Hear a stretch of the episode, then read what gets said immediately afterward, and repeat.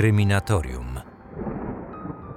Piętnastoletni Bohdan Piasecki był uczniem katolickiego liceum świętego Augustyna na warszawskim Mokotowie. Szkoła należała do Stowarzyszenia Pax, zrzeszającego licznych katolików współpracujących po II wojnie światowej z komunistycznymi władzami. Założycielem i przewodniczącym Paksu był ojciec chłopca, działacz przedwojennego faszystowskiego ruchu narodowo-radykalnego Falanga, Bolesław Piasecki. Spokojny i inteligentny Bohtan należał do najlepszych uczniów w klasie. Lubił muzykę i naukę języków obcych. Był głęboko religijny i zdradzał nawet chęć wstąpienia do seminarium duchownego. To nie bardzo podobało się jego ojcu. Kryminatorium. Otwieramy akta tajemnic. Krótko przed godziną 14 22 stycznia 1957 roku Bohtan po skończonych zajęciach opuścił budynek szkoły w towarzystwie trzech kolegów. Do rodzinnego domu miał kilkaset metrów. Niemal natychmiast do chłopców podszedł nieznajomy mężczyzna. Z wyglądu przypominał tajniaka. Dokąd to panowie idą? Wracamy do domu, właśnie skończyliśmy lekcję. Który z was to Piasecki? To, to ja, proszę pana. Pozwól ze mną, chłopcze. To sprawa wagi państwowej. Mężczyzna odciągnął Bohtana od kolegów, po czym pokazał mu wyjęty z teczki dokument. Chłopiec bez słowa udał się za nim. Razem wsiedli do taksówki czekającej na nich w bocznej uliczce. Przy aucie oprócz kierowcy czekał też inny mężczyzna. Gdy wszyscy wsiedli, czarna Warszawa z piskiem opon odjechała.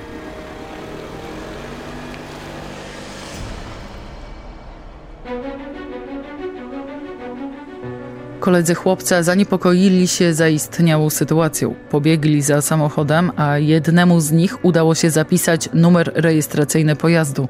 O całym wydarzeniu poinformowali młodszego brata Bogdana, który swoje zajęcia skończył dopiero godzinę później. Nikt z nich nie przypuszczał, że mogło dojść do porwania. Wiedział to jednak ojciec chłopca, który był wstrząśnięty opowieścią swojego młodszego syna. Od razu zadzwonił do Ministerstwa Spraw Wewnętrznych, żądając natychmiastowego rozpoczęcia poszukiwań uprowadzonego Bohdana. Dwie godziny później do dyrekcji szkoły zadzwoniła osoba przedstawiająca się jako pracownik Ministerstwa Oświaty.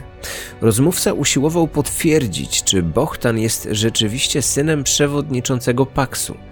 Jeszcze tego samego dnia porywacze zatelefonowali do Bolesława Piaseckiego z wiadomością, że mają jego syna. Poinformowali go także, że w urzędzie pocztowym numer 1 znajduje się dla niego list. Bolesław Piasecki wysłał po list swoich pracowników. Autorzy wiadomości zawiadomili Piaseckiego o uprowadzeniu syna oraz żądali okupu, po którego otrzymaniu mieli uwolnić Bohdana. Zapowiadali nawiązanie kontaktu w sprawie doręczenia im okupu w wysokości 4000 dolarów i 100 tysięcy złotych. Kazali przygotować wskazaną kwotę i czekać na dalsze instrukcje. Milicja obywatelska rozpoczęła śledztwo. Szło ono dość nieudolnie, gdyż pomimo posiadania numeru rejestracyjnego milicjanci nie byli w stanie nawet zlokalizować taksówki, którą widzieli świadkowie. Widząc niemoc organów ścigania, Bolesław Piasecki stworzył wśród swoich pracowników specjalną grupę śledczą, mającą za zadanie zbierać wszelkie informacje i dowody w sprawie. W ciągu 10 minut ustalono, że samochód należał do miejskiego przedsiębiorstwa taksówkowego. Jeszcze tego samego dnia odnaleziono auto oraz ustalono nazwisko kierowcy. Ignacy Eckerling został przesłuchany przez milicjantów. Mężczyzna zeznał, że swoich pasażerów wysadził przed budynkiem sądu, do którego wszyscy trzej weszli. Jego zeznania znacznie różniły się od tych przedstawionych przez naocznych świadków zdarzenia, kolegów Bogdana oraz właściciela kiosku po drugiej stronie ulicy. Eckerling plątał się w swoich wersjach i mieszał fakty. Nie potrafił podać rysopisów osób, które wiózł, mimo że spędził z nimi prawie godzinę. Zapowiedział też, że nie będzie w stanie ich rozpoznać podczas milicyjnego okazania. Twierdził, że jako kierowca zastępował tylko swojego chorego kolegę. Było to kłamstwo, gdyż w grafik był wpisany już dwa dni wcześniej. W czasie konfrontacji z innymi świadkami Eckerling zmieniał swoje słowa w zależności od przedstawianych mu dowodów. Historyk Peter Reina w książce Sprawa zabójstwa Bohdana Piaseckiego napisał Wobec tak sprzecznych zeznań należy wnioskować, że kierowca taksówki musiał być zaufanym człowiekiem porywaczy. Musieli być oni pewni całkowitej lojalności z jego strony. Taką pewność mógł dać im tylko pełny współudział przy porwaniu. Mimo wszystkich sprzeczności, Eckerling został zwolniony po wstępnym przesłuchaniu. W dwa dni po uprowadzeniu chłopca w gabinecie Bolesława Piaseckiego zadzwonił telefon. Piasecki, słucham. Pan Piasecki, w sprawie syna. Czy rozmowa jest podsłuchiwana? Powiem szczerze, pojęcia nie mam. No dobra, jutro o 11 wyjdzie pan z domu. Z pieniędzmi. W pół do 13 uwolni się pan spod opieki tajniaków. O 13 proszę czekać na nasz telefon w restauracji kameralna. To na ulicy Foksal. Halo, słyszy mnie pan? Tak, tak, rozumiem. Aha, y, jeśli przyjdzie ktoś inny, niech trzyma rogi. To znaczy w ręku niech trzyma. Zamiast Piaseckiego na spotkanie z porywaczami udał się jego bliski przyjaciel, ksiądz Mieczysław. Zabrał ze sobą poroże jelenia, by mógł zostać rozpoznany przez sprawców. Towarzyszyli mu ubrani w cywilne ubranie milicjanci. Po wejściu do restauracji ksiądz poproszony został do telefonu. Halo, ksiądz Suwała mówi. Weźmie pan natychmiast taksówkę i pojedzie pan. No niech pan zapisuje. Aleja na skarpie 65. Słucham, jeszcze raz proszę. Aleja na skarpie 65. Taksówką niech pan pojedzie. To jest za Kopernikiem. Tak, rozumiem. No, tam w bramie, w gablotce takiej, listę lokatorów. Tam jest pudełko takie, no wie pan, od zapałek. Tak, To proszę je tam wziąć. pudełko od zapałek? Tak, pudełko od zapałek. Gablotka, listy. Po dotarciu pod wskazany adres ksiądz Suwała odnalazł w pudełku od zapałek kolejną instrukcję. Nowy adres, pod który miał się udać. I tak kilka razy. Nowe ulice, nowe polecenia. Ostatecznie dotarł do miejsca, w którym natrafił na pozostawiony przez sprawców damski pantofel. Wbrew zapewnieniom porywaczy, nie było w nim kolejnej wiadomości. Nie wiedząc, co ma dalej robić, ksiądz wrócił do domu. Jeszcze tego samego dnia do Piaseckiego ponownie zadzwonili porywacze, informując, że w drzwiach kościoła Świętego Krzyża zostawili dla niego list. Wynikało z niego, że ksiądz Suwała był przez nich śledzony. Przestępcy wiedzieli też o jego milicyjnej obstawie. Panie Piasecki, stawia pan nas w kłopotliwej sytuacji, bo musimy przyjąć, że jest pan idiotą. A to z następującego powodu. Chyba pan sam uważa, że dla jednego księdza siedmiu milicjantów to za dużo. Mówiliśmy, że jeden tajniak przesądza sprawę. Robi pan sobie żarty ze sprawy, która wcale nie jest żartobliwa. Z tego powodu podnieśli swoje żądania. Teraz okup wynosił 200 tysięcy złotych i 4 tysiące dolarów. Wydali też nowe instrukcje. Wysłannik Piaseckiego miał udać się w okolice mostu Poniatowskiego. Pracownik Paksu pojawił się w umówionym miejscu, jednak nie znalazł żadnych dalszych instrukcji. W następnych dniach sprawcy telefonicznie polecili Piaseckiemu oczekiwać na dalsze wskazówki. Jednak w wyznaczonym terminie nie odzywali się, a kontakt z porywaczami został na zawsze zerwany.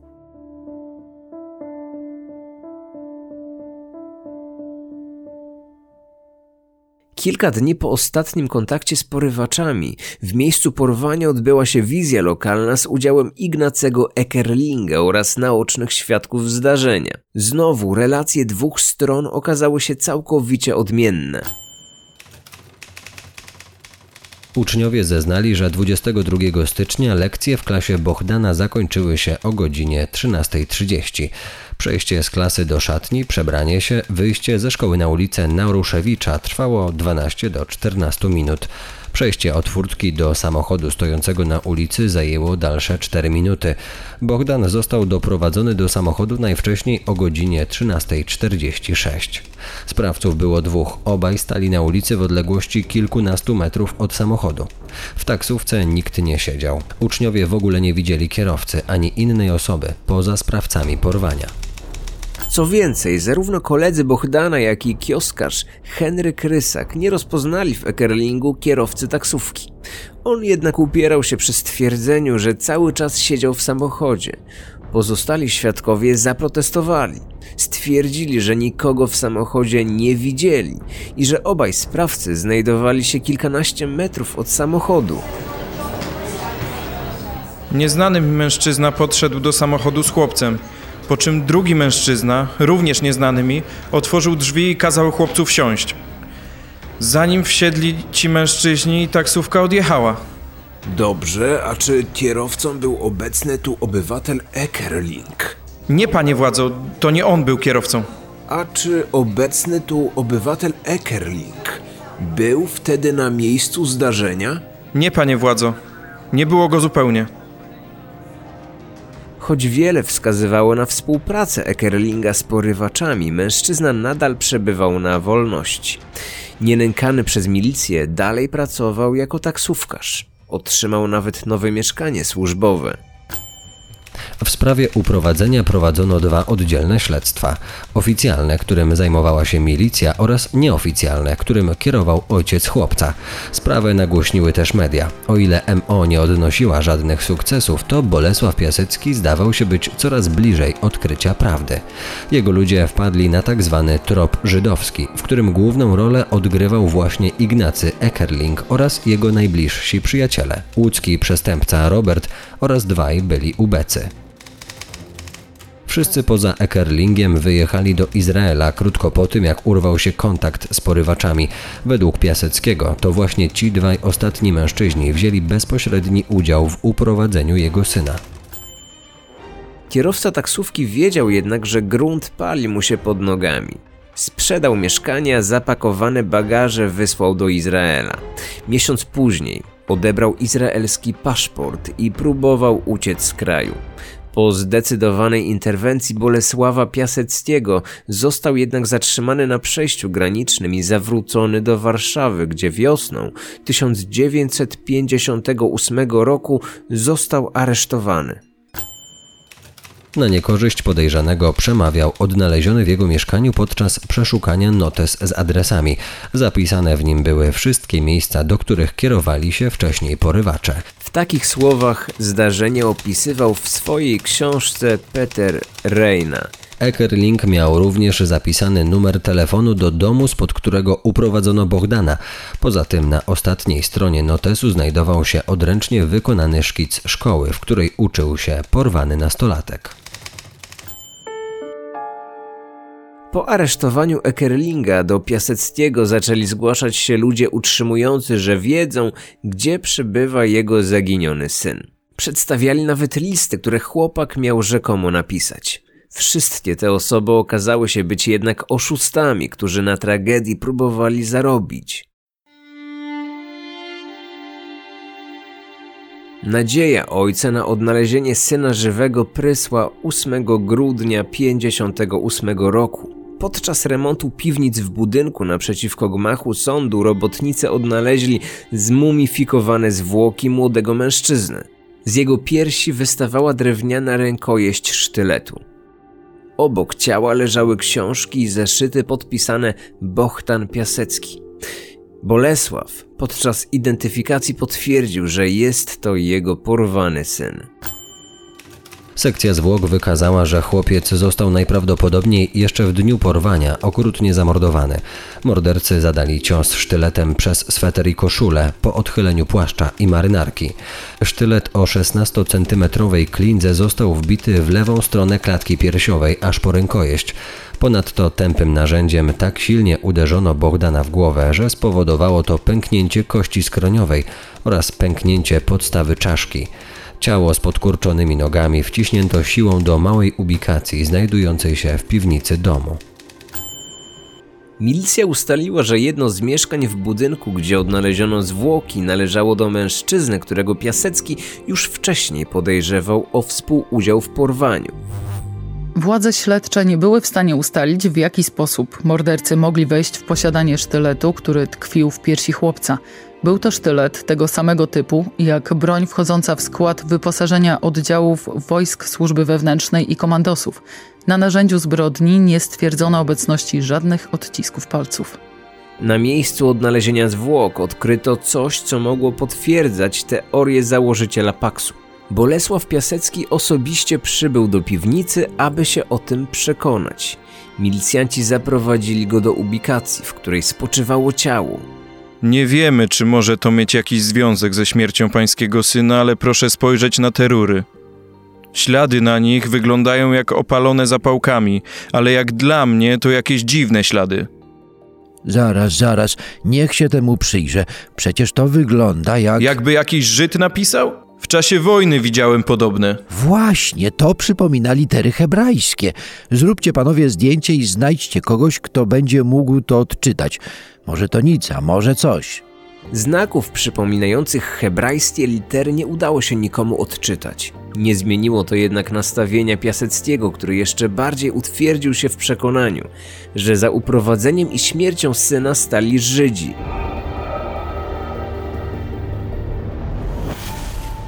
Pogoń za porywaczami zmieniła się teraz w pościg za mordercami. Za najbardziej prawdopodobną wersję zdarzeń uznano udział w zbrodni osób pochodzenia żydowskiego.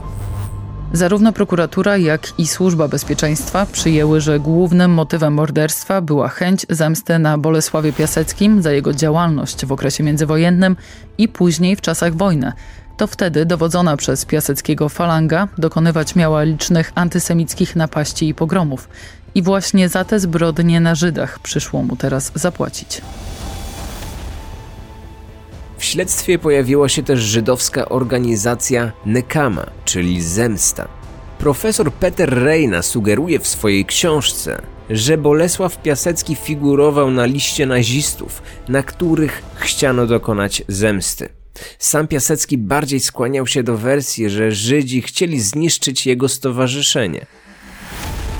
Zasadnicza moja hipoteza wyraża się w przekonaniu, że porwania mego syna dokonali ci, w których interesie leżało zniszczenie Paksu i którzy zorientowali się, że atmosfera polityczna zimy z 56 na 57 roku daje im szansę próby wykonania swojego planu. Był przekonany, że na jego dziecku dokonano mordu rytualnego, za który odpowiedzialna była szajka nacjonalistyczno-żydowska. Zastanawiał się jednak, czy zbrodnia była oddolnym działaniem grupy żydowskich ubeków i kryminalistów, czy może decyzja zapadła na znacznie wyższym szczeblu. Z czasem zaczął się skłaniać do zdania, że Bohdana zamordowała tak zwana frakcja żydowska w Ministerstwie Spraw Wewnętrznych. Jesienią 1959 roku do warszawskiego sądu wpłynął akt oskarżenia prokuratury przeciwko Ignacemu Ekerlingowi. Kierowca został oskarżony o współudział w porwaniu Bogdana Piaseckiego. Rozprawa miała się rozpocząć w listopadzie. Nigdy do niej jednak nie doszło. Kilka dni przed procesem prokuratura zwróciła się do sądu z prośbą o zwrot akt oskarżenia w związku z koniecznością ich uzupełnienia o nowe dowody. Zgodę na to wyraził pierwszy sekretarz KCPZPR Władysław Gomułka po rozmowie z Romanem Zambrowskim. Akta nigdy już nie wróciły do sądu, a sprawę wkrótce umorzono. Mimo licznych wniosków o wznowienie śledztwa i postawienie w stan oskarżenia Ignacego Ekerlinga, jakie Bolesław Piasecki przez następne lata wysyłał zarówno do kolejnych sekretarzy KCPZPR-u, jak i do prokuratury PRL-u, przewodniczący Paksu nigdy nie otrzymał odpowiedzi. Po śmierci Bolesława próbę rozwiązania zagadki podjął jego syn, Jarosław. W roku 84 w liście do ówczesnego premiera Wojciecha Jaruzelskiego porównał morderstwo swojego brata do zbrodni dokonanej na księdzu Popiełuszko. Po kilku miesiącach otrzymał odpowiedź, że sprawa ta uważana jest przez władze państwowe za definitywnie zamkniętą. Wątek żydowski nie był jedynym, jaki brany był pod uwagę przez śledczych. Prokuratura i Służba Bezpieczeństwa badały też hipotezę, według której zbrodni dokonać mieli członkowie Narodowych Sił Zbrojnych. Inne wersje mówiły, że porywaczami byli agenci obcych wywiadów, zwykli bandyci chcący otrzymać okup, a nawet sam Bolesław Piasecki. Szczegółowo badano także wersję sugerującą, że za morderstwem stali byli pracownicy Paksu, aby zemścić się na Piaseckim. Wszystkie te mniej lub bardziej prawdopodobne hipotezy straciły na znaczeniu w marcu 1966 roku, gdy izraelski dziennik Marif opublikował artykuł mówiący, że śmierć nastolatka była pomszczeniem wszystkich żydowskich ofiar Bolesława Piaseckiego. Przed wojną Bolesław Piasecki był kandydatem na polskiego Adolfa Hitlera. Był też znienawidzony przez wszystkich Żydów za swoją nacjonalistyczną działalność. Jego oddziały partyzanckie w czasie hitlerowskiej okupacji z zimną krwią i z wielką przyjemnością mordowały niewinnych Żydów. Zamordowanie jego syna, 15-letniego Bohdana, pomściło wszystkie żydowskie ofiary polskiego Hitlera. Chłopiec został zadźgany przez dwóch Żydów zatrudnionych w polskiej służbie bezpieczeństwa. Mściciele po akcie zemsty opuścili Polskę i wyjechali do Izraela. Polskie władze nie mają najmniejszego prawa żądać od państwa Izrael wydania tych osób. Nie może być mowy o ekstradycji sprawców.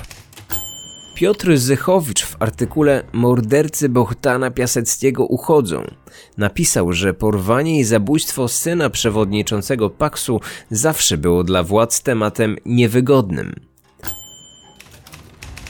Komuniści, którzy byli zamieszani w sprawę z oczywistych względów nie chcieli, aby była ona nagłaśniana. Ten temat nie leżał środowisku, które w trzeciej RP kształtowało opinię publiczną. Piasecki i jego działalność jest dla tych ludzi złem absolutnym. Nie zależało im więc na tym, żeby robić z niego męczennika. Profesor Peter Reina w swojej książce dał do zrozumienia, że kluczem do zrozumienia tego faktu jest narodowość sprawców. To, że byli oni Żydami, nie pasuje do pewnej wizji świata. Kiedy napisałem pierwszą książkę o Bohdanie, mnie też, chociaż jestem Hindusem, oskarżano o polski antysemityzm. Zbrodnia, niezależnie czy popełnił ją Polak, Chińczyk, Żyd czy Niemiec, zawsze pozostanie zbrodnią. Można źle pisać o wszystkich, o Żydach jednak nie wypada połowie lat 70. XX wieku oficer MSW należący do grupy poszukującej porwanego Bohdana przekazał Bolesławowi poufną informację, że władze wiedzą dokładnie kto stoi za porwaniem i morderstwem jego syna. Dokonać tego mieli niższej rangi funkcjonariusze Ministerstwa Bezpieczeństwa Publicznego pochodzenia żydowskiego, którzy zostali zwolnieni z pracy po październikowym przełomie 56 roku. Bolesław Piasecki, wątpiąc w motywy działania owego oficera, zwrócił się do właściwych władz, oczekując potwierdzenia otrzymanych informacji. Jedyną reakcją władz było zwolnienie oficera z MSW w trybie natychmiastowym. Piasecki na odpowiedź nigdy się nie doczekał.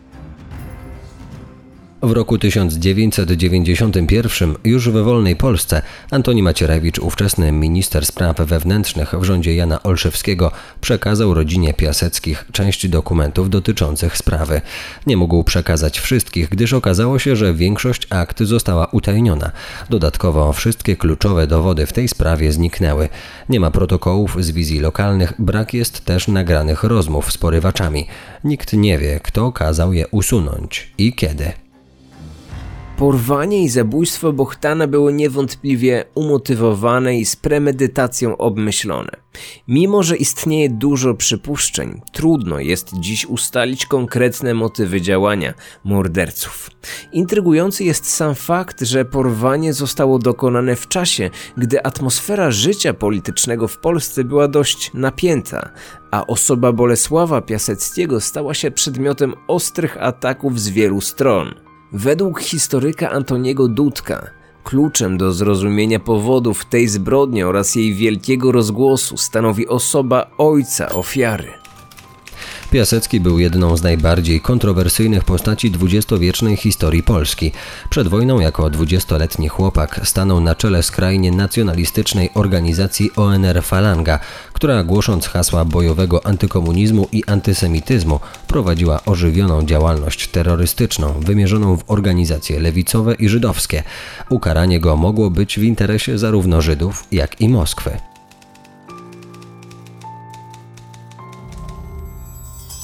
Kryminatorium. Otwieramy akta tajemnic.